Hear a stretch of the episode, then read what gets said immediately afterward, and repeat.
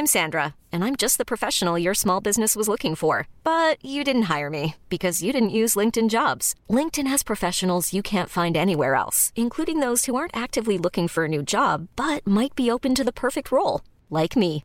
In a given month, over 70% of LinkedIn users don't visit other leading job sites. So if you're not looking on LinkedIn, you'll miss out on great candidates like Sandra. Start hiring professionals like a professional. Post your free job on linkedin.com/achieve today. Ever catch yourself eating the same flavorless dinner three days in a row?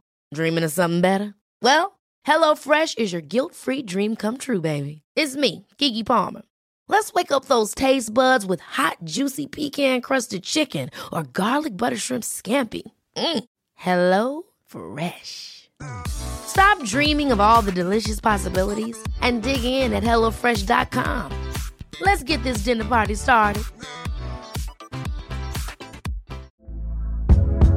Hey there, it's Michelle Norris. I'm host of a podcast called Your Mama's Kitchen. When I travel, I'm usually looking for a way to find a taste of home when I'm not at home. And one of the things I love to do when I am at home is entertain. And Airbnb allows me to do that. When I was in California recently, I rented a house that had a great kitchen. And when we were sitting around the table, we we're all thinking, we're in someone else's house. Someone could be in all of our homes as well.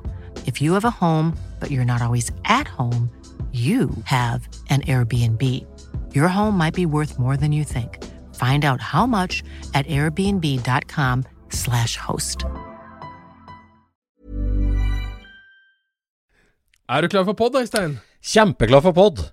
Vært litt dårlig på nyttårsforsett i år. Jeg har ikke så mange, eller mye mer bil, da, og selvfølgelig bli enda bedre på podkast. Så der er vi i gang.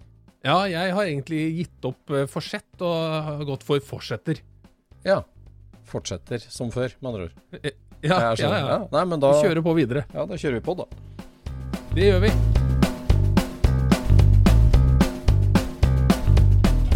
Du lytter nå til Scootspodden, en norsk podkast om klassisk bil med Jon Roar og Øystein.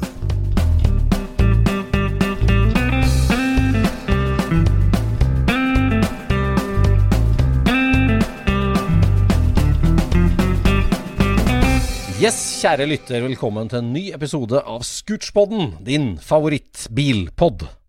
Er ikke det sånn, da, Jon? Jo, Jo. sånn er det.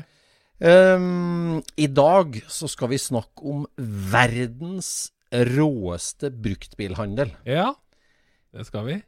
Ingen over, ingen ved siden. Den ene transaksjonen i uh, bilhistorien som har vært eh, den største og kanskje en av de viktigste transaksjonene eh, når det gjelder klassisk bil. Ja, Det er vel vanskelig å forestille seg at det skjer igjen også?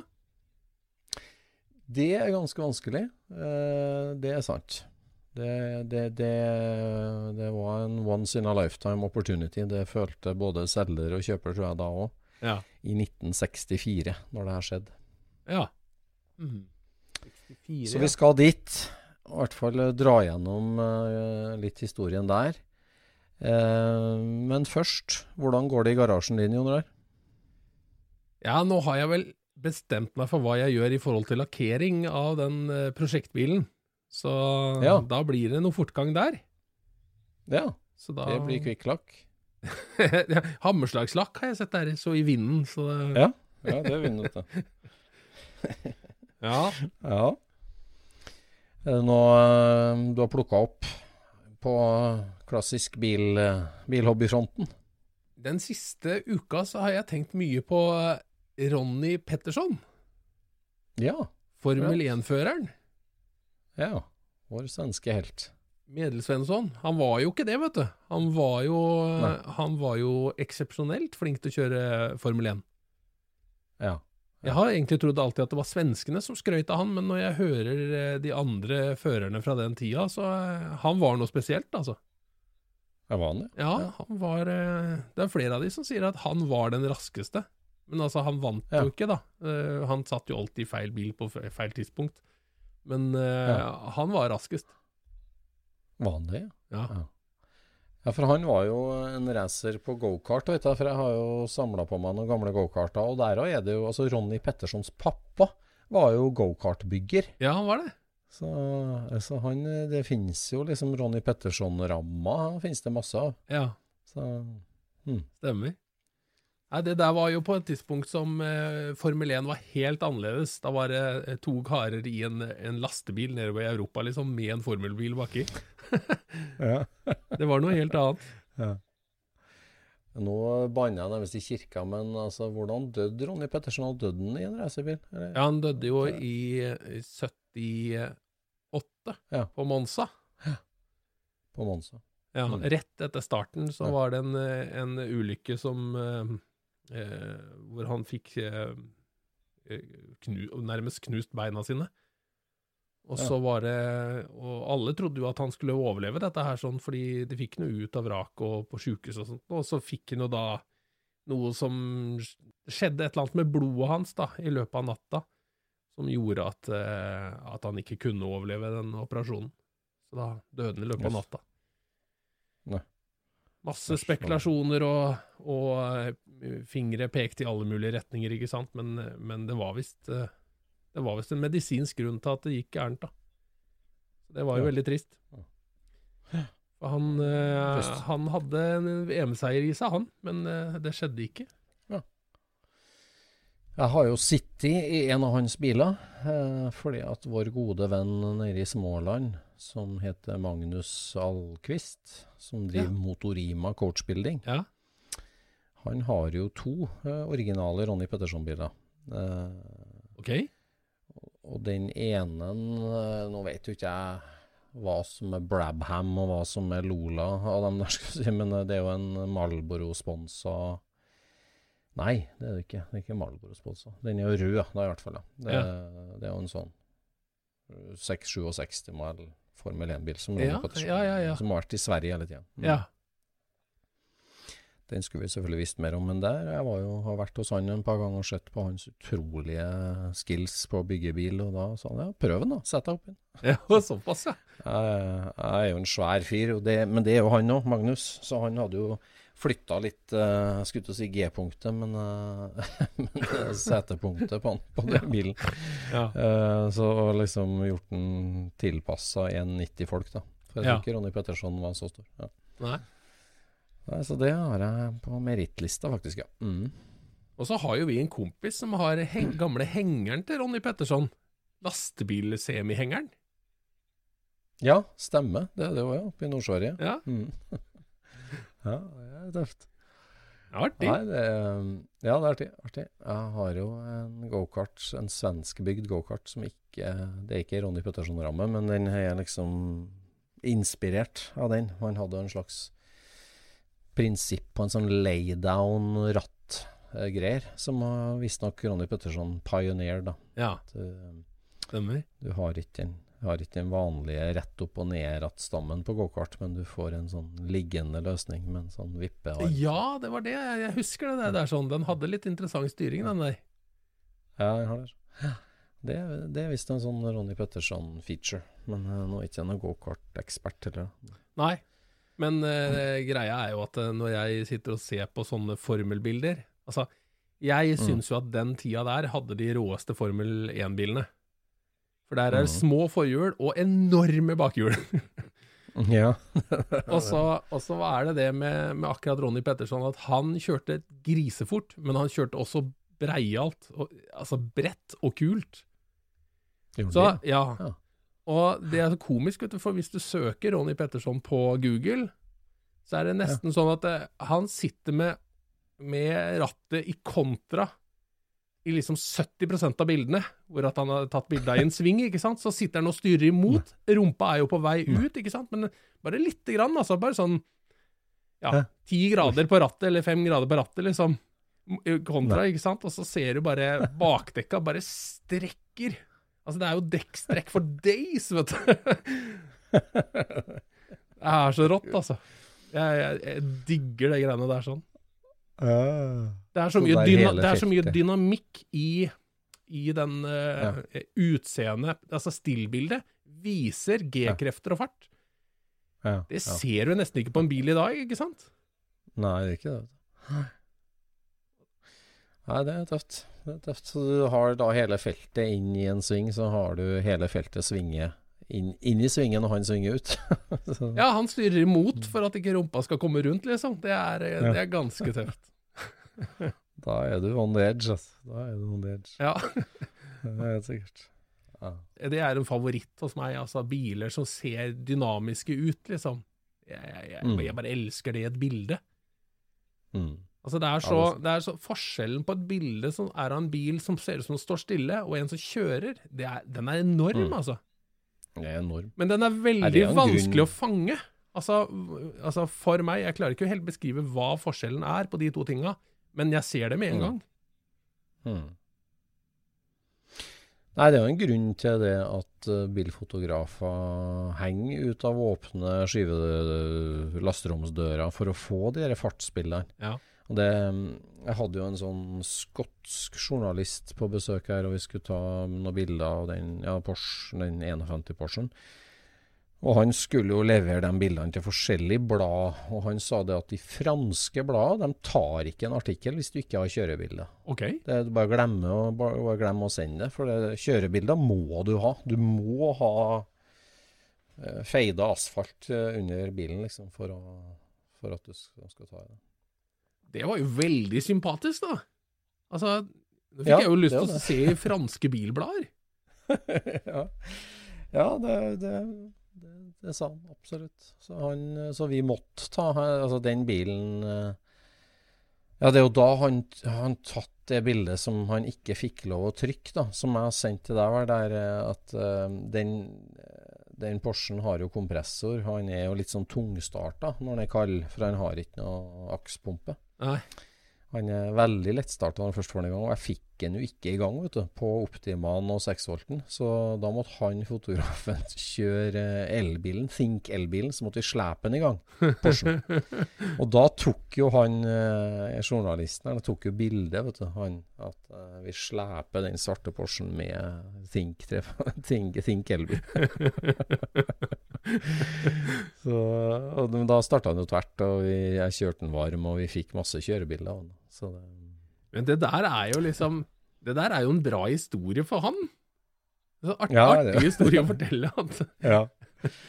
Han var så lei seg. Jeg sa at du ikke bruk det bildet, liksom. Det er så teit, det der der du kommer til en bilsamler, og så skal han vise fram der, og så må du slepe i start, liksom. Det er så dumt. Men så, så ble, kom den artikkelen på trykk da uten det, og så ringte han meg før neste blad, da, siden nå skal jeg skrive den artikkelen igjen, liksom. Kan ikke jeg få ha med det bildet, vær så snill, for det er så kult. det er liksom. du som er kjiperen og sier nei, ja. Ja, det var det på første, da. Men, og da dro han jo det kortet, liksom at um, Men husk på at uh, det å vise at liksom Selv om du har en sånn spesiell bil og folkelig, så liksom Det er samme problemene med, med alle typer biler, og det, det, det, en, det viser en folkelighet da ved deg som bilsamler, sa han liksom. Det han skulle ha sagt, uh, Det han skulle ha sagt, var jo at jeg får jo ikke trykt et bilde i et fransk blad uten at det er et slepebilde med. ja. ja, da, så det, var, det kom på trykk i et blad, så jeg husker ikke hvilket det var. men Å, ja vel. Så gøy. Så, men, eh, skal helt av her. Nei, jeg Eh, føler det her var eh, rett i løypa. Veldig relevant. Ja da. Nei, så du får dilla, eh, Ronny Petterson-dilla, og da det er sånn. Du får liksom plutselig en slags klikk i hodet, og så blir du helt obsess den uka. Ja, det gjør det. Altså, da, da sitter du bare og ser på det der. Og så hørte Mm. jeg et uh, Jeg hørte en uh, Det begynte vel med en podkast som faktisk handla om denne ulykken og de greiene der, da. Og i, i den, mm. Uh, den poden så snakker de med manageren til Ronny Petterson. Ja. Og i en samtale med han uh, Chapman, da, Colin Chapman, uh, i, mm. i Lotus, så, så har de jo liksom fått ordentlig dreis på Lotusen for neste sesong, sånn at han skal Ja. gå tilbake til Lotus. Og så Ja. er de ute og, og prøver han en tur, og så, så sier, eh, så sier han Ronny at eh, eh, hvis jeg vinner nå, eh, da vil jeg ha bilen. Ja. Og da vil jeg ha med meg bilen hjem, liksom. Ja. Og han ja. meg bare ja, ja, ja, det går greit, liksom, for de har liksom ikke vunnet før, ikke sant. Det, det går greit, bare skriv det ned så, i kontrakten, da. Så den, eh, jeg mistenker at den står i Ørebro, den Lotusen der. Oi, gjør den det? Ja, jeg tror det. Altså, eh, de har jo et sånt eh, butikklokale eh, som et sånt bitte lite museum i Ørebro, hvor disse her Ronny Petterson-tinga står. Har han det? Ja, ja, så jeg mener broren hans driver og, og forvalter det på noe vis, da. Ja. Men um, det har vært gøy vært å- borte og kikka på han. Det er, det er rå biler. De, Den tida der, det er, det er tøft, Ja. altså. Jeg syns det. Ja, det er drittøft. Det er det, altså. Du er ferdig med liksom de sigarracerne og, og for alvor begynner med dekk og vinge og Ja, ja. er der, så Og de ser jo De er liksom så Det er før datamaskinen tar over designet. For at eh, Ja. når datamaskinen tar over designet, så blir det så mye Det blir så intrikat, liksom. Det begynner å se sånn biologisk ut, mens dette her er liksom Ja, kunne vært bygd av Lego på et vis. Ja, det er sant. Det er sant. Så, nei, det er artig. Altså, vi, vi liker jo godt når mennesket designer en bil sånn som vi tror at luften vil ha den. ja, ja. Det er ikke sånn som lufta faktisk vil ha den, men Når er det det skillet der går, egentlig, da? Ja, det er vel det. Altså, vindtunneler hadde jo tidlig og lenge, sjølsagt. Det hadde jo Mm. Ronny Petterson òg, men, eh, ja da. men eh, ja, når datamaskiner bruker vektorene fra Ja, men fra- de jobba jo på en helt annen måte. De, altså, en vindtunnel gir deg jo ingen svar. Den sier jo bare hva du har, ikke sant? Ja. Så du Ja, ja. forandrer, forandrer, forandrer, og så gir den deg et svar.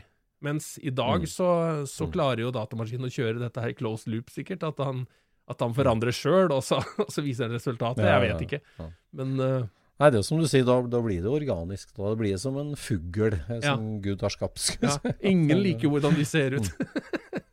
Nei. Ja. ja, det er sant.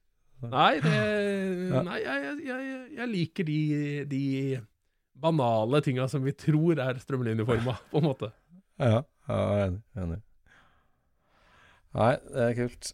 Jeg, jeg får sånn dilla som det er der, altså det, og det er jo så tilfeldig hva som Jeg fikk det Jeg drev og maila litt med en gammel barndomsvenn eh, som jeg vokste opp sammen med, som eh, vi kjørte, kjørte radiostyrt bil sammen med. Så Ja. vi, drev, vi drev klubben i Trondheim og drev veldig mye sammen med min kjære gode venn Tore. Sendte meg noen bilder av gammel RC-bilkjøring.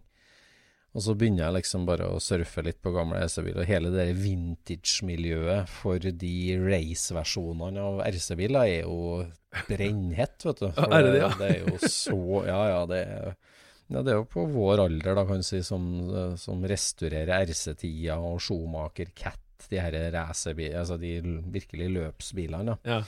Og der er det en sånn veldig mote da, å bygge, at du bygger du, du, du skaffer deg et gammelt byggesett, gammel bil, bil, og så bygger du den helt i tråd med sånn som VM-vinneren fra 1997, Jaha. for eksempel, med, med, og det er stort marked for reprodekaler på de råeste sponsorene som var på 90-tallet. Oh, ja, ja, ja. Og, og de lakkerer dem helt ekstra. Og det er klart at han legenden i eh, hele det miljøet der fra 1990 til sikkert eh, 2010 omtrent, jeg heter Masami Hirosaka, Okay. er jo på, på min alder omtrent. Og han vant jo alt. Altså, han var jo verdensmester år etter år etter år i banebil og i offroad. Eh, elbil, da kan du si L, L 1-10 og 1-12 banebil og 1-10 offroad-greier. Og, og han er fortsatt veldig aktiv. Han kjører masse. Han er jo på min alder nå. Han Ja, ja. kjører ikke så mye løp. Litt sånn Petter Northug. Han er i sporten fortsatt, men, eh, men ikke som sånn toppnivå elitesjåfør, da. Ja. Men så, så Og han eh, begynte jeg å følge han på, på Facebook og surfa gjennom liksom litt der. Jeg husker jo de bilene så godt, for de var jo rollemodeller for oss. Jeg kjørte jo, eh, han kjørte jo Yokomo firehjulstekker og Associated tohjulstekker. Så jeg bygde jo mine biler litt sånn Ja, det var jo litt sånn i tråd med det han vant VM med og sånt da, da. Ja. Og, og han er fortsatt kjempeaktiv. Og så så jeg på mange bilder, vet du, så er han sammen med en gråhåra mann på veldig mange av bildene Aha. nå i dag. Han legger ut Facebook liksom og sånn og sånn. Og så begynte jeg å se på, så er, så er det faren hans. Og så viser det seg at faren hans var, han var mekaniker. Hele 90-tallet så var faren mekaniker. Ja. Og faren var så god mekaniker at han skrudde jo for de to-tre amerikanerne som var på Associated-teamet, da, kan du si. Ja. Så han, han pappaen Uh, Han må jo være på min far sin alder, da, seint i 70-åra nå, omtrent. Og han sønnen sikkert midt i 40-åra. Og dem, eh, dem driver fortsatt sammen, far og sønn. Og bygger RC-biler og kjører og tester ut mye rare ting. De drev med noe brenselcellegreier og noe sånn eh, vifte for å få downforce. Ja, si, ja, ja. Økt downforce med noe viftegreier og sånt. De holdt på å eksperimentere med noe som han legger ut. da. Men han Masami, han husker jeg når han var ung, da, eller vi var unge, så han snakka bare japansk. Ja. Han, det var masse filmer som vi ville se, men han snakka bare japansk. Og det, nå skriver han bare japansk, ser jeg på, på der òg. Men han og faren Og da begynte jeg å se på gamle bilder òg, da. Og når han ble verdensmester i 96-97, så var det faren som skrudde da òg. Ja. Så det var, det var artig. Vet du. Men når du Ja, sier skru på en, på en fjernstyrt, da er det liksom hjulvinkler og dempere og hva, hva er det liksom? Hva skrur man? Like mye som en Formel 1-bil, vil jeg si. Eller nei, det er ikke like mye, men det var jo masse skruing. Altså, en ting er jo vedlikehold hele tida, og i Ja, et ja. løp så var det jo Du hadde jo depotplasser, kan du si. Du fikk jo når du fikk jo startnummer, og du fikk depotplass, som var jo sånn langbord der du hadde med deg masse verktøykasser og utstyr, og rigga deg til med alt det med håndkle du alltid hadde under bilen, og tannbørstene til å vaske og alt der. Så det var jo rengjøring og vedlikehold mellom hvert heat, da. Ja. Og så er det jo I den tida så kjørte vi jo børstemotorer, ikke sant. Så det var jo alltid noe liksom ut med børstene og sjekke oh, ja. var de blå eller var de chippy eller liksom sånn. Du skal maks der. ja. Og så var det jo litt sånn smøring her og der. Og Så det er optimalisering, over og- på en måte, sånn at du får maks ut av den i hvert hit, på en måte? Ja, altså når du så, så liksom, ja, Det å sørge for at den er 100% fit for fight i hvert heat, og så er det selvfølgelig den ladevitenskapen var jo helt sjuk på den tida. Vi drev med sånn veldig avanserte PC-lader, altså målte temperatur og ampere og masse greier. Det er jo ikke noe problem lenger nå. ikke sant? Nå er det jo LiPo-batteri. De kommer jo med en batteripakke om morgenen og kjører hele dagen. Så det, Ja. Men eh, Men, eh, men var det sånn Så. Grunnen til at det blei sånn, var for at dere hadde bare én batteripakke per bil, da, eller hva, hva var greia med det? Nei, nei, du hadde et lass med batteripakker, da, men du, Ja. du hadde jo en ny en ny en til hver, hvert heat. da. Uh, og, men så var det liksom å toppe opp den. Det var jo, det var jo, det er jo som stropping av bil på henger. Der, er? Med, noen lada alle 20 pakkene kvelden før, og så skulle du toppe dem litt på morgenen, og så skulle du varme dem opp til akkurat liksom 42 grader rett før heatet. Ja. det var Ja, ja, det var enormt mye for å få liksom Du skulle ha maks punch da ut fra starten, og så skulle du og så drev, Du dreva jo bilene da til å vare akkurat fem minutter. De, da var jo batteriet tomt. Det, Ja. Du skulle ha bånn gass de fem minutter hit det gikk, da. Så det var Nei, altså, så én ting er jo mekkinga og fit for fight eh, på et løp, men uh, så kjører du to klasser da med to biler, ikke sant? så Ja. har du det der dobbelt opp. Ja. Og så, så er det, krasjer du og ødelegger, da, så må du bytte. Ja. Og imellom hver helg når det var løp, så var det jo masse skuing. Du demonterte jo helt i biter da, og bytta, vaska masse, rensa masse, og så var det hele tida ombygging da, ikke sant. Eh, Med nye dempere og slepearmer bak og A-armer bak, og mm, så ble det en mote med at demperne skulle peke mye rett opp og ned, og så skulle de stå veldig på skrå, og så drev du og testa ut da, Ja, forskjellige ja. oppsett. Da. Så det der var jo en fulltidsjobb, det der. Ja. det vil jeg tro. Jeg og Tore Jeg og Tore satt jo på gutterommet vårt på med der, men den Masami han eh, drev med sin far, tydeligvis. Da. Så det, det var kult. Litt sånn kjent. Så, ja. Det var en avsporing. Nei, det var det ikke. Det her syns jeg var i- Nei. innertier, jeg. jeg må si at jeg, jeg, jeg elsker Jeg elsker den biten av racing. Altså det der at Ja. når du får et regelsett, så kan du Mm. Plutselig så eh, hjelper det å være smart innafor det regelsettet, liksom. Mm. Så eh, gjøre Get the unfair advantage. Uten å Ja. jukse, ikke sant? Ja, ja. Ja, jeg tror eh, Altså sånn Jeg tror uh, med, respe, uh, med full respekt å melde du, at, at på sånn toppnivå RC-bilkjøring, da, kan vi si, mm. så har sjåføren utrolig mye å si, da. For det at uh, Altså sånn det, det, skal jo så lite til for å gjøre en feil. Ikke sant? Altså, Ja, ja. en, en ting er å kjøre dårlig og ikke velge idealsporet, men det er klart du, du og hekter du et hjul da, i innersvingen og du kaster rundt kolbøtte ti ganger ikke sant, og lander på taket, Ja. Så, um, så må du ha marshals. Det var jo sånn at du kjørte et heat, og så heatet etterpå så måtte du alltid melde deg på banen og, og hadde din post du skulle stå på da, for å snu, bilen, snu bilene til motstanderen, kan si, tilbake på som, Sånn at du kan si eh, Altså, de, de bilene dem i dag, og de går jo så sinnssykt fort, og de er jo så bra satt opp. Og, og liksom, sjåførene, de beste der, er utrolig gode sjåfører. Altså. Ja. Det, så det, det Du får veldig skille på dem. Men jeg har liksom inntrykk av at en del motorsport i dag, så er det liksom det er så mye sikkerhetssystem og, og traction control, og, og banene er liksom relativt like. Bilene er på en måte veldig like, og det er liksom Det er ganske tett i feltet, da. Ja. Eh, og, og det er ikke så Har du en litt dårlig dag på jobben, så kan du fortsatt gjøre det greit, tenker jeg. Men uh, en RC-bil, liksom et, et lite blunk på en måte i en sving, for det går, uh, så er du helt ute å kjøre. Liksom, det er kanskje feil, feil å sammenligne det sånn. Jeg, ja, jeg vet ikke akkurat åssen det der er, hvor eh, Altså, jo kortere løpet er, og jo smalere og alt dette her sånn, så er jo selvfølgelig toleransene mindre. Altså, du har jo mye Ja. kortere tid å hente deg inn på, for å si det sånn. Mm. Ja, jeg- det skulle vært interessant, og det finnes det helt sikkert en sammenheng på. Altså reaksjonstida, da. Altså du vet at Fra du kommer ut på rettstrekket på en sånn 1-10-skala bane i dag, Mm. der de går 80-90 km i timen, i bilene, så er en jo på enden av rettstrekket på langt under et sekund. Ikke sant? Altså, Ja. så at, eh, altså du, reaksjonstida di må være ufattelig kjapp, da. Ja. Eh.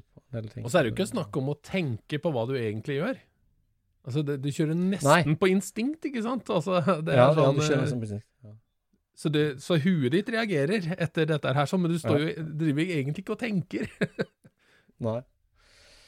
Nei, de sier jo liksom det som pensjonerer sjåførene der, er jo synet. At du, du må Det går så fort, og du ser ikke, og du må korrigere. Ja. Så du greier ikke å prosessere kjapt nok. Nei. Nei, ikke det, sant. Det, så, så det, ja. Ja. Nei, det en liten RC-bilavsporing. ja. Um, Jeg hørte en, jeg hørte en litt artig eh, sånn unfair advantage, som jeg nok egentlig syns er juks, fra, fra NASCAR, hvor at de hadde vekta bilen. Altså de hadde bygd den litt, eh, litt lett, og så hadde de fylt eh, ramma med haglekuler. Og så hadde de laga den luka som de haglekulene trilla ut av når den var på banen, ikke sant? Den, Ja. Den hadde de laga akkurat der du satt i jekken. så hver gang inspektørene jekka bilen opp for å kikke etter den luka, så fant de aldri luka.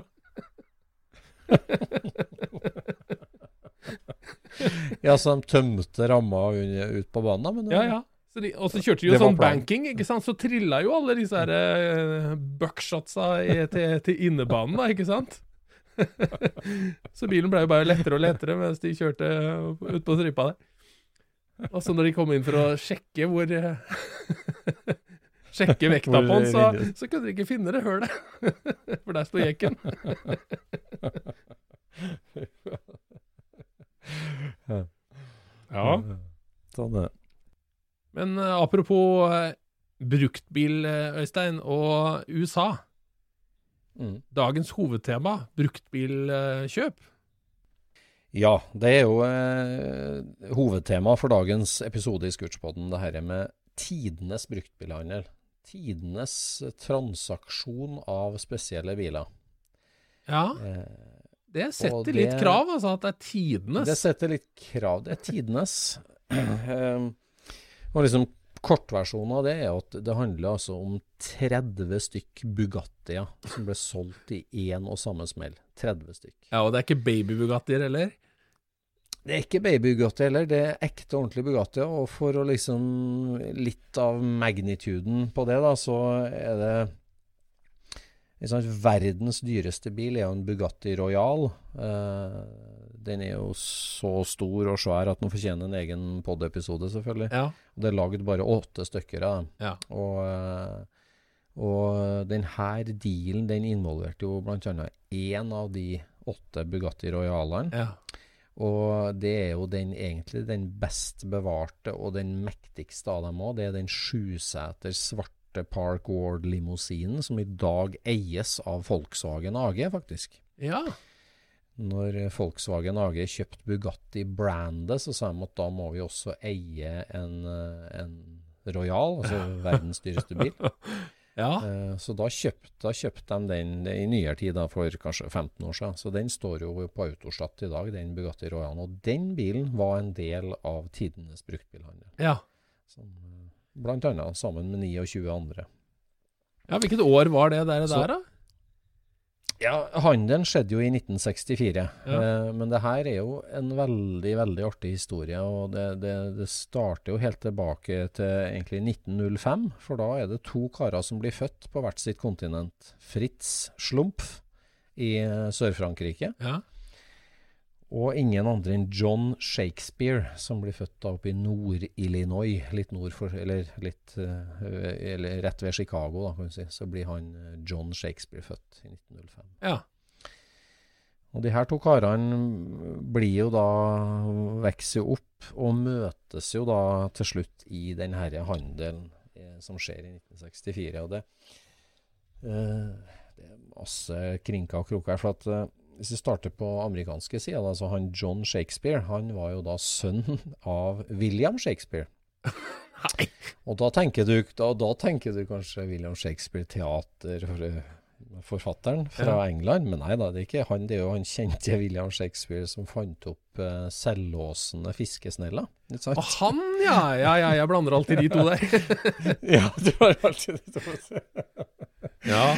Så William Shakespeare han, han var altså den som fant opp og patenterte det som vi alle har vokst opp med. skal vi si, Fiskesnelle med det der klikket på som du låser snøret, kaster, slipper. Ja. ja jeg, trodde jo, jeg trodde jo han var fra Mexico, het Abu Garcia, men det het han ikke, altså. Patentet var det utgått lenge før Abu kom på banen Ja, som ja. de store aktørene i fiskesnell. Uh, men uh, så William uh, var jo ingen dum fisker, så han ble jo multimillionær på det. Så han John, da, sønnen, han var jo født inn i egentlig uendelig rikdom Ja.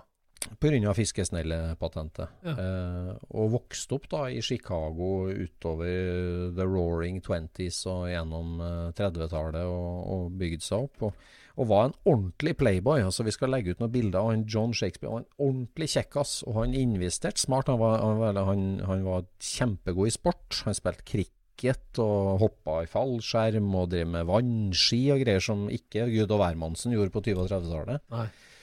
Eh, og, og etter krigen da, så greide han seg òg godt med, med en del stålaksjer og bygd business litt på det her og der. Og, Ja. og liksom det der at han ramla borti en Bugatti for første gang da, eh, og syntes det var en spennende ting, var liksom mer en sånn ah, det er eksotisk, fransk, spennende bil, eh, den kjøper jeg. Ja. Og fikk blod på tann etter første kjøpet, og så kjøpte da den her Bugatti Royalen som sin andre Bugatti. Å ja, såpass, ja. Var dette biler som var i Statene, eller fikk en de importert? Ja, var i Statene. Ja. Nei, han, var, han begynte å nærmest støvsuge opp Bugatti, og det var liksom sånn når han fant en, så var det aldri noe spørsmål om pris, liksom. Det var bare 'jeg skal ha den', hva koster den? Ja. Eh, så han John Shakespeare, han eh, utover da, fra rett etter krigen oppover 50-tallet, så dro han på seg 30 stykker Bugatti. 30 Bugatti. Ja. Som han dytta inn i gamle fiskesnellefabrikken uh, i Illinois der. Ja. Og, og var ikke så opptatt av å kjøre dem eller bruke dem, bruk dem eller, eller mekke på dem. eller noe sånt. Han bare hårda Bugatti, rett og slett. Men var Bugatti noe da? Altså, var det allerede da en, eh, noe som folk skjønte kom til å bli en samlebil, eller åssen var det der? Nei, altså eh, Det, det fins en avisartikkel da, fra 1955 eller noe sånt. Um, Illinois man buys the grandest automobile of all time. Eller noe sånt. Oh, ja. The grandest, altså Ja. Bugatti Royal. Ja. Så klart at eh, altså det, det der var jo veldig tidlig i veteranbilhobbyen i USA. Men, Ja. eh, men det å Altså Bugatti Royal, og klart at de råeste Bugattiene gikk jo fælt i billøp helt opp under krigen. Mm. Eh, så rett etter krigen så var jo det en, en kjent sportsbil, på en måte. Ja. Eh, men, men det er klart, de var ikke dyr, det var ikke de, men eh, Ja. Det, Bugatti har alltid har aldri vært en søppelbil, for å si det sånn. Det har jo, Eh, nei, har nei, det skjønner jeg. Alltid hatt et spesielt navn, så Ja. Men han fikk helt dilla, og, og mm, kjøpt bare det. Faktisk hans første bil, var, eller første bil etter krigen, det var en Porsche 356, står det. Og det, det måtte ha vært en veldig tidlig en, da. Ja, det må det ha vært. Eh, mulig han ikke hadde bil mm, første åra. Men i hvert fall så fikk han Bugatti-dilla og, og dro på seg de 30. Men bare stua dem unna. Kjørte dem ikke, brukte dem nei, ikke. kjørte ikke, nei. Eh, og så da på sånn i 56-57 så begynner på en måte Da blir Bugatti-klubben etablert i England. England går foran Mhm. og har jo vært tidlig ute med bilsamling og bilhobby, for å si det sånn. Ja. Eh, og da bygges det opp en, en uh, gradvis et, et Bugatti-klubb og et eh, Bugatti-register. Ja. Og en, en engelskmann skal vi se nå, som jeg ikke husker navnet på, som da leda var liksom den første presidenten i eh, den internasjonale Bugatti-klubben. Ja. Han starta å lage altså et eh, Hugh Conway. Hugh Conway han. Han, han laga et register. Starta på et register over alle overlevende Bugattier i verden. Ja. Uh, og begynte å samle det, og etablert liksom på de Ja, det, var, det fins vel hva er det totalt? Ca. 200 Bugattier eller noe sånt i hele verden. Okay. Ja. Og han uh, begynte å samle re- registeret på det. Og i, eh, så, så, så da skjer det liksom og På samme måte, da, for å dra litt den slumphistorien på andre sida, altså i Frankrike, så er det da to brødre eh, der han Sjefen av Fritz Slumpf, da, som i 1928, da var han bare 22 år gammel, Mm. da kjøper han seg en Bugatti. Ja. Han kjøper seg en sånn halvsportslig Bugatti som bruksbil. Eh, han er sønn av en sånn bomullsfarmer og har begynt å jobbe sjøl og kjøper seg en Bugatti, en halvbrukt en. Ja. Tidlig Bugatti. Og får der og da Bugatti-dilla, egentlig. Men så begynner han da å bygge opp sin eh, bomullsindustri. Eh, altså I 1905-36 så er han og broren en av de aller største i Europa på bomullstrading. De importerer og selger bomull. Jeg har ikke sånne Eh, svære veverier også, da? Jo, etter hvert så får de det. Ja. Eh, og bygger seg opp veldig stort, de her Slumpf-brødrene.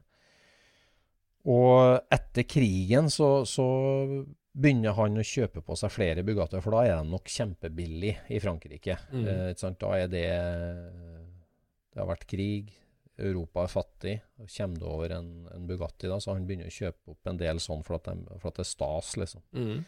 Men så skjer det Og de uh, Slumpbrødrene de bygger jo et svært imperium og tjener mye penger, og de begynner å hamstre biler. Så de har jo de, Helt på slutten her så har de jo 500 biler omtrent. Og, og, og til slutt eh, 120 Bugattier. Altså når den samlinga blir brutt opp på 70-tallet, så har de 120 Bugattier.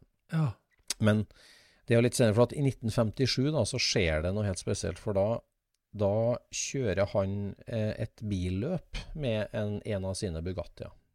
Stille til start, ikke som veteranbil, men som en av de tidlige etterkrigsløperne i Frankrike. da. Ja. Og så vinner han med den Bugattien, eh, og så dør hans mor det året. ja. Det er to ting som skjer det året. Og da bestemmer Fritz Slumpf seg for at liksom, jeg må gjøre noe stort. liksom. Jeg må bygge, bygge et slags monument over min mor, og også mitt livsverk. Ja. Jeg får en slags kall der i 57. At liksom, og da blir det av liksom, en litt sånn greie at å bygge verdens største Bugatti-samling og bygge et tempel for Bugatti. Ja. The greatest brand of all time. Ja. Det skal bli min livs legacy, liksom bestemme seg for det, han i 57. Ja. Og da girer han for alvor om i 57 og begynner å lete etter Bugattier. Og i 62 så får han da tak i eh, vår gode venn Hugh Conways, altså Bugatti-registerets eh, forfatter. Så får han overtalt å få en kopi av Bugatti-registeret i 1962. ja. Og da går bomullsindustrien og vever- veveriene for fullt. Og han begynner systematisk å sende brev til alle verdens Bugatti-eiere om Ja. de skal kjøpe dem. Ja. Og da er det jo åpenbart 30 av de brevene som havner i en postkasse i Illinois, da, Ja. eh, til vår venn eh, fiskesnelle sønn John Shakespeare. ja. Og, og det her er jo to alfahanner, begge to. Ja. Fritz Slump han, er jo, han var jo en notorisk forretningsmann som piska sine ansatte til å tjene penger og der, og han var ruthless i jakten på verdens største Bugatti-samling. Han reiste rundt og kjøpte opp og kjøpte opp. ja. Og litt samme var det med Shakespeare. Right? Shakespeare han jo, var jo født litt til pengene da og Slump hadde bygga seg opp sjøl, men eh, Men så er det liksom eh, at de her karene begynner eh, i en dialog. da, Det starter med et brev, og det er jo håndskrevne brev som faktisk finnes i dag, som okay. er bevart eh, i USA. Eh, der Fritz Slump sender brev over at eh, er han interessert i å selge hele samlinga si. Ja. Og så tenker han Shakespeare litt på det, og så sier han at det er greit, jeg kan, kan selge alt sammen. Jeg skal ha 100 000 dollar for den. Ja. Og eh, det tilsvarer omtrent en million dollar i dag eh, for de 30 bilene. ja. Og, og så er det liksom Og så sier Slump at nei, det er for dyrt, for det var antagelig Jeg tror nok det var en pris der han Shakespeare liksom tenker at eh, Ja, si en høy pris, og så vil, kommer han ikke til å kjøpe det. Ja, ja, Han sa liksom Får jeg det, så selger jeg 100 000. Ja. Så sier han eh, Slump, for han har kjøpt masse Bugatti Nei, du skal få 75 000 dollar. Og da blir han så fornærma, han Shakespeare, at eh, liksom eh, ikke, Det er ikke du som skal bestemme noe her, det er jeg som har bilene, det er du som ber om å få kjøpe dem. Da er det jeg som caller shots, liksom. Så da bare avfeier han det tvert. Han. Og det blir bom stopp. Og han Slump blir sint, og han leier inn han engelskmannen til å prøve å være megler. Ja. Eh, og så til slutt så får han megla til da, at eh, den Bugatti-klubbmedlemmet som bor nærmest han fyren i Illinois, han skal få lov å komme og inspisere bilene. ja. Eh, så han, eh, han eh, lokale helten, da, han Bob Shaw, eller hva heter han? Bob Shaw, han, han får lov til å få liksom audiens. Han skal reise opp og inspisere de 30 bilene, for å liksom løsne opp litt der. da. Og han, jo, han er jo Bugatti-fan og, og pedant. Tannlege, tror jeg er typen der. Så han reiser opp og gjør et sånt veldig Han følte jo liksom Oi, jeg er på oppdrag fra et fransk museum. Det her skal jeg ta veldig alvorlig. Ja. Så han lager en bibel av en tilstandsrapport der den går gjennom hver eneste bil i detalj, og noterer og skriver, og er veldig pedantisk, og får sikkert veldig godt betalt for det. Men sånn kort sagt, så sier jo han liksom det at bilene er helt forferdelige. De, det er masse fugleskit på dem. Halvparten står på jordgulv. De er ikke, de er, ikke, de er totally neglected. De er liksom eh, eh, Og jeg tror nok at for en fanatisk tannlege som har én Bugatti, og komme opp dit og se det der ja, på jordgulv, Ja, ja. nedriti, liksom, det var jo et sjokk, på en måte. Og Ja. det, når det her bibelen av en rapport kommer til Frankrike, da, og Slump får se der, så tror ikke en Slump egentlig brøy seg så mye om det, men han bruker det som pressmiddel. Altså, du, nå har vi inspisert, de er jo, det er jo bare drit det du har, liksom. Sende et sånt brev. Og da blir han Shakespeare helt uh, forbanna. Hva faen, nå skal du fornærme meg i tillegg til at du skal liksom underby med hva du driver med. Ja. Liksom. og, og det der står helt i stå. Og, og så sier han Shakespeare at drit og dra, du franske kølle, liksom. Jeg skal selge jeg skal, eh, Bill Harra eh, kjenner jeg jo godt. Altså verdens største bilsamling i Reno og Nevada. Da. Jeg kjenner Bill Harra. Jeg er sikker på Eller han har allerede snakka om at han har lyst til å kjøpe ti stykker av meg. Ja. Eh, og jeg tror det er mye bedre at jeg bare break up the collection. Ja. Og da, eh, da hyrer Slump advokat Aha. og sender et veldig juridisk korrekt brev. Der han på en måte eh, bruker en slags rar amerikansk regel. Han hyrer en amerikansk at liksom har du innleda en forhandling om en avtale, så kan du liksom ikke gjøre om på forutsetningene for avtalen mens du er i forhandlingsprosess. Det var en slags sånn juridisk klausul. Ja. Han, så han truer med å dra han for retten hvis han skal bryte opp de bilene og trekke seg fra en En diskusjon. ordentlig franskmann. Ja, skikkelig greier, da. Og til slutt, altså, egenskapen blir det at uh, de da forhandler litt og blir enige om uh, det som historiebøkene sier at det er 85 000 dollar, men uh, jeg, jeg vet at det er spekulert i det at Slump har vært med og skrevet historiebøkene litt og alltid sagt 'jeg ga 85', mens mange tror at han egentlig måtte krype til korset og gi de 100 som, som han ga om. da. Ja. Og Slump har jo ennå ikke vært i USA og sett på dem i hele tatt. Han er for travel til det å ta den lange reisa. Og så skjer jo det da etter to års forhandlinger at i 1964 så lastes, drar de ut de 30 fugleskit-Bugattiene ja. og ruller om bord på et tog som går ned til Louisiana, eh, til havna der, og lastes om bord i et lasteskip som går til Holland. Og så går de da videre på trailer til Slump sitt veveri ja. I Sør-Frankrike. Og går inn i samlinga da, som til slutt da telte 120 Bugattier hos Slumpus. Da. Der, eh, det er jo en sånn type 55 Atlantic, som Ja. er jo en av de dyreste bilene i verden. eh, Kupé. Mm. Og det er masse blå racerbiler, og, det- og det er den Royalen, selvfølgelig. ja. Og eh, Hadde de et sånt tog også? Et Bugatti-tog? Ja, det er mulig. Det vet jeg ikke. Ja, for han, han bygde At jo lagd Han, han by, skulle, tror- jo bygge, han skulle jo egentlig bygge tog Ja, med den eh, motoren som han satte i Royalen. ja nettopp sånn, da. Det lokomotivmotorer. Ja. Hva var det der, egentlig? Monstermotor. Ja. Nei, det, det skal bli en egen pod-episode om de åtte.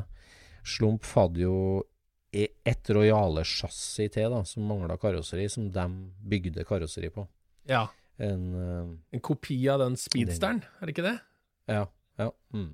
Mm. Som var sønnen til uh, et åre som uh, Han hadde speedster uh, Royal Ja, sånn var det kanskje. Ja. ja. ja. uten frontløkter. ja. Det, det er en så monsterbil, det der, altså. Og Ja, så det han lille karen ved sida. det Altså, den er så svær at det er Det er så svært, altså. Nei, fader. Jeg var jo på Retromobil i Paris for fem år siden, og da hadde de jo fire. Fire av de åtte. Blant annet de to slumpbilene var Ja. Folkevognen sin og den, og den Roadsteren var der. Ja. Det Nei, sånn eh, var i hvert fall da sånn forhandlinger da når to alfahanner skal møtes og forhandle deal på Bugatti. Det var helt utrolig at det faktisk eh, At det lykkes for franskmannen, da. Altså, Ja, med de, det de stunta der sånn, så hadde jeg mer, Ja. mer trodd det skulle gå feil vei. Ja. Nei, det, det fins jo veldig mye bilder av en fotograf der som tok bilder av de bilene når de lastes på, på toget. Ja. Eh, og hos Slump, ikke sant, så, så er det jo sånn at um, de, de hadde jo 500 biler, og kan si halvparten av de Bugattiene, de 120 Bugattiene, sto på utstilling i museet. Ja. Og så ble det jo, ikke sant, de ble jo dratt for retten for, for arbeiderrettigheter og vanskjøtte firmaet sitt, og det var masse styr, så i 77 vel så blir jo den samlinga delvis brutt opp og delvis gjort til et nasjonalt bilmuseum. Ja. Som fortsatt finnes i dag som et av de mest imponerende bil, bilmuseer, for så vidt. Men mange biler ble jo da solgt for å dekke gjeld eh, som de har dratt på seg. Ja. Så mange ble solgt.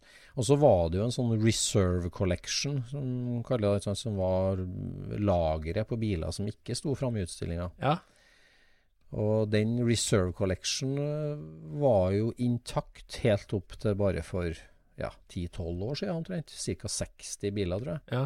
Som var liksom egentlig sånn de dårligste bilene. De solgte unna de fineste bilene for å dekke gjeld, og de aller fineste ble stående igjen i museet. Reserve Collection ble solgt uh, på auksjon, og av de reserve-bilene så ble vel 30 av dem solgt i én slump til han Peter Mullin. ja, ja, ja, ja. Han, ja. Han har jo Ja. eget museum, han. Eget museum i, i California. Ja. Og av de 30 Reserve Collection-bilene som gikk tilbake til California, så tror jeg sju stykker faktisk er av de Bugattiene som kom fra Shakespeare. ja. Og de er fortsatt urestaurert. ja såpass, ja. Så det Så, ja. Nei. eh, det der er en artig historie. Altså, jeg syns liksom de personlighetene her, å forstå litt de personlighetene Han for eksempel han John Shakespeare, og han var jo en sånn Fortsatte jo et sånt playboy-liv, litt sånn ensomt med masse damer og store hus og fullt show, da. Og, og i 1975 så ble han funnet myrda og drept i kjelleren på sitt eget hjem, han John Shakespeare. Oi. Såpass, ja. Og det drapet er fortsatt uoppklart, faktisk. Såpass. Det er aldri tatt noen for det drapet, så han eh, drev med litt forskjellig. Ja. Nei, det Det går for seg. Ja, det vil jeg si. Men uh, Vi skulle jo, vi skulle jo vært en tur på det museet etter Slumf, da. I det gamle Ja, veveriet som, som nå er helt fylt med, med bil. Ja, det skulle vært. Absolutt. Der er det jo eh, Det blir alltid tatt et bilde av alle disse her eh, race-Bugattiene. De, de har jo bortimot et Mm. startfelt der i et rom. Ja, ja, ja det er helt vilt. Det er helt sinnssykt. Helt sinnssykt. En annen ting som vi skal gjøre i Scootspoden, er at vi skal ha en prat med en av Norges eh, store Bugatti-eksperter. Ja. Som eh, skal komme og prate spesielt om en av de. Det var jo flere Bugatti i Norge òg. Jeg vet ikke hvor mange det har vært. da. Det er jo noen som vet sikkert. Sikkert 10-15 totalt. ja. Som har vært innom Norge. Så, det finnes jo noen igjen i dag òg. Så det skal vi dykke litt mer ned i. ja. Litt lokal Bugatti-historie. Ja, litt lokal Bugatti-historie. For å balansere playboyene fra utlandet. ja. Ja. Yes, er det noen pla planer eh, videre, Jon Rar? Jeg har ikke noen sånn eh, akutte planer. Jeg skal bare begynne å vaske ned og gjøre alt sammen klart for å, for å sende den bilen på lakk. Det, det, det er det som, Ja. er, eh, det som er planen. For de tar enormt Ja. mye plass i deler, altså. Det er, eh, det er grusomt å ha en bil i er deler. Er. Men det har vi alle sammen. Ja.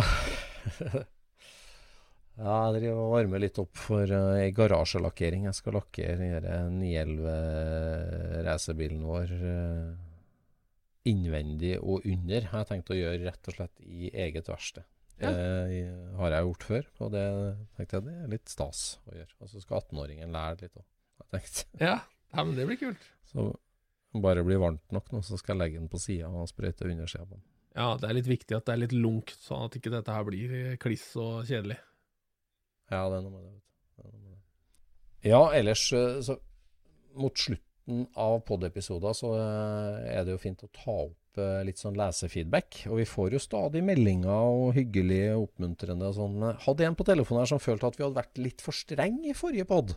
Med at liksom det å snakke om de her reglene for ja, du kan bygge en kjempefin bil og plutselig sette på en feil del, så punkterer du hele greia.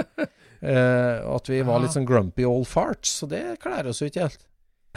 Eller? Nei, men altså, det er jo ikke regler, det er observasjoner vi gjør. Altså, Ja, det, det det, er på en måte Jeg vil heller si at uh, vi trekker kanskje ubehagelige konklusjoner en gang iblant. altså, det er ikke Ja. det at vi sier at det skal ikke være sånn. Det er bare sånn at det, du viser meg et bilde, og jeg Mm. peker på den gule anda som ikke hører hjemme i det bildet. Altså, det, er, det er mer det. Altså, det. Det er ikke det at det ikke er lov å ha gule ender i et bilde. Det er bare det at hvis, den, hvis resten av bildet er et renessansebilde, liksom, så var det sånn Ja, den Ja. klistremerkeanda der, den hører ikke hjemme. Ja. Det er ikke en regel. Det er bare det at eh, vi, Nei. jeg ser hva du gjør. Ja. Du er observert. Ja. Ja, nei. Ja, jeg tenker liksom det at det der og at Altså sånn det er sånn, Noen er sånn Ja, slutt å mene om min bil. Ja. Du har ikke noe sak med det. Men det er liksom litt sånn øh, feil holdning, det òg. For at øh, en del av det vi driver med med bil, det er jo liksom å Det er ikke å lage et kunstverk, men det er jo Altså, vi, vi eier jo det objektet fordi at det objektet gir oss noe følelser og synsrefleksjoner. Altså sånn Du skal jo ha en mening om en bil, på en måte. Det, det er jo Ja. Den er liksom litt lagd for det, på en måte. At, Jeg, øh, jeg føler jo at eh, også, hvis, hvis man ikke skal tenke noe rundt en bil du ser, da, så vil det, Ja. så vil det på en måte være å, Det blir som å skrive et dikt som ingen skal eh, Man skal bare bedømme det på stavefeil eller ikke, liksom. Det er ikke innholdet.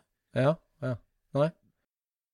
Nei, jeg tenker i hvert fall at eh, liksom det at det at en bil og et sånt objekt som det er lagt masse designtenking i, som det er lagt masse kanskje i arbeidstimer i og sånt, det skal jo vekke følelser. Du vil jo at Altså, det vekker følelser hos deg som eier, mm. og du vil jo at det skal skape følelser. Altså, du vil jo at på 17. mai så skal folk synes at det er hyggelig å se en gammel bil.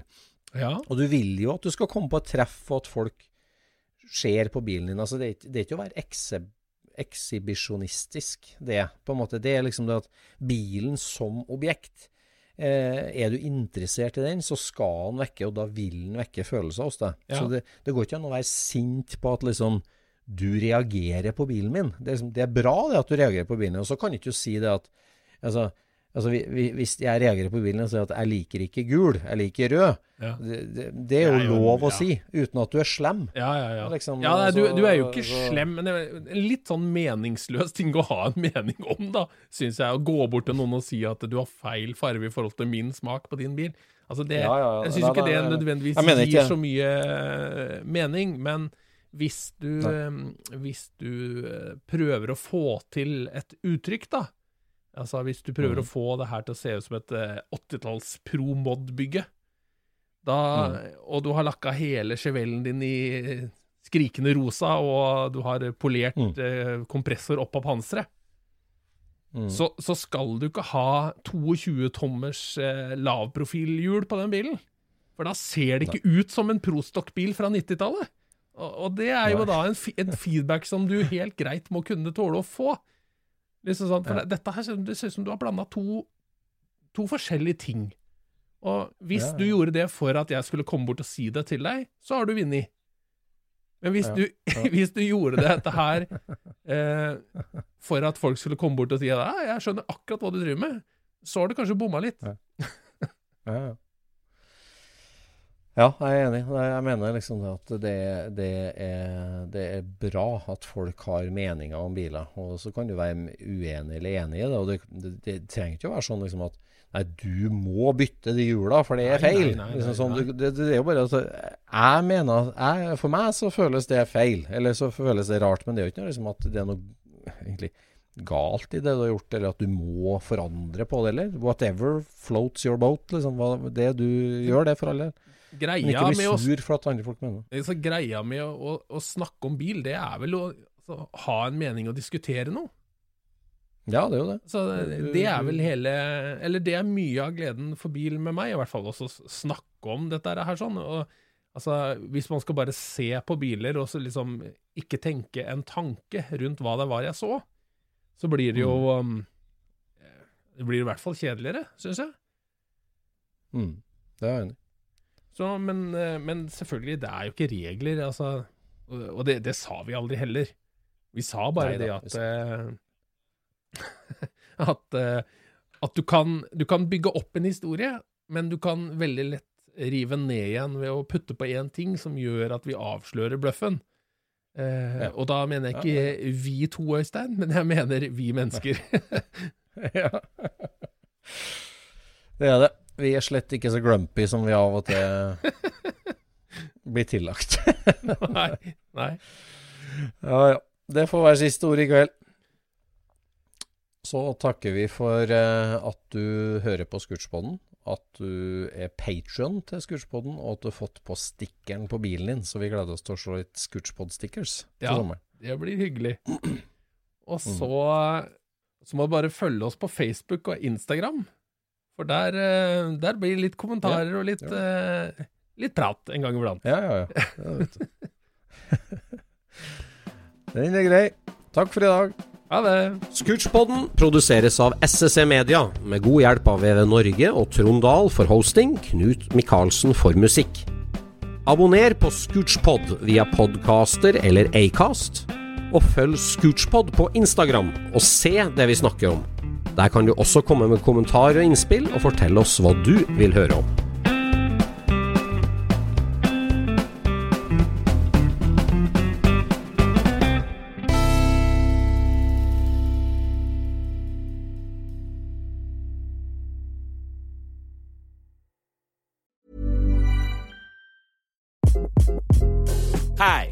Craig Robinson from Ways to Win, and support for this podcast comes from Invesco QQQ. The future isn't scary, not realizing its potential, however, could be. Just like on the recruiting trail, I've seen potential come in many forms as a coach. Learn more at Invesco.com slash QQQ. Let's rethink possibility. Invesco Distributors, Inc. Hi, I'm Daniel, founder of Pretty Litter. Did you know cats tend to hide symptoms of sickness and pain? I learned this the hard way after losing my cat, Gingy. So I created Pretty Litter, a health monitoring litter that helps detect early signs of illness by changing colors, saving you money and potentially your cat's life. Pretty Litter is veterinarian developed, and it's the easiest way to keep tabs on your fur baby's health right at home. Go to prettylitter.com and use code ACAST for 20% off your first order and a free cat toy. Terms and conditions apply. See site for details. Hold up. What was that? Boring. No flavor. That was as bad as those leftovers you ate all week. Kiki Palmer here, and it's time to say hello to something fresh and guilt-free. Hello Fresh. Jazz up dinner with pecan-crusted chicken or garlic butter shrimp scampi. Now that's music to my mouth. Hello Fresh. Let's get this dinner party started. Discover all the delicious possibilities at hellofresh.com.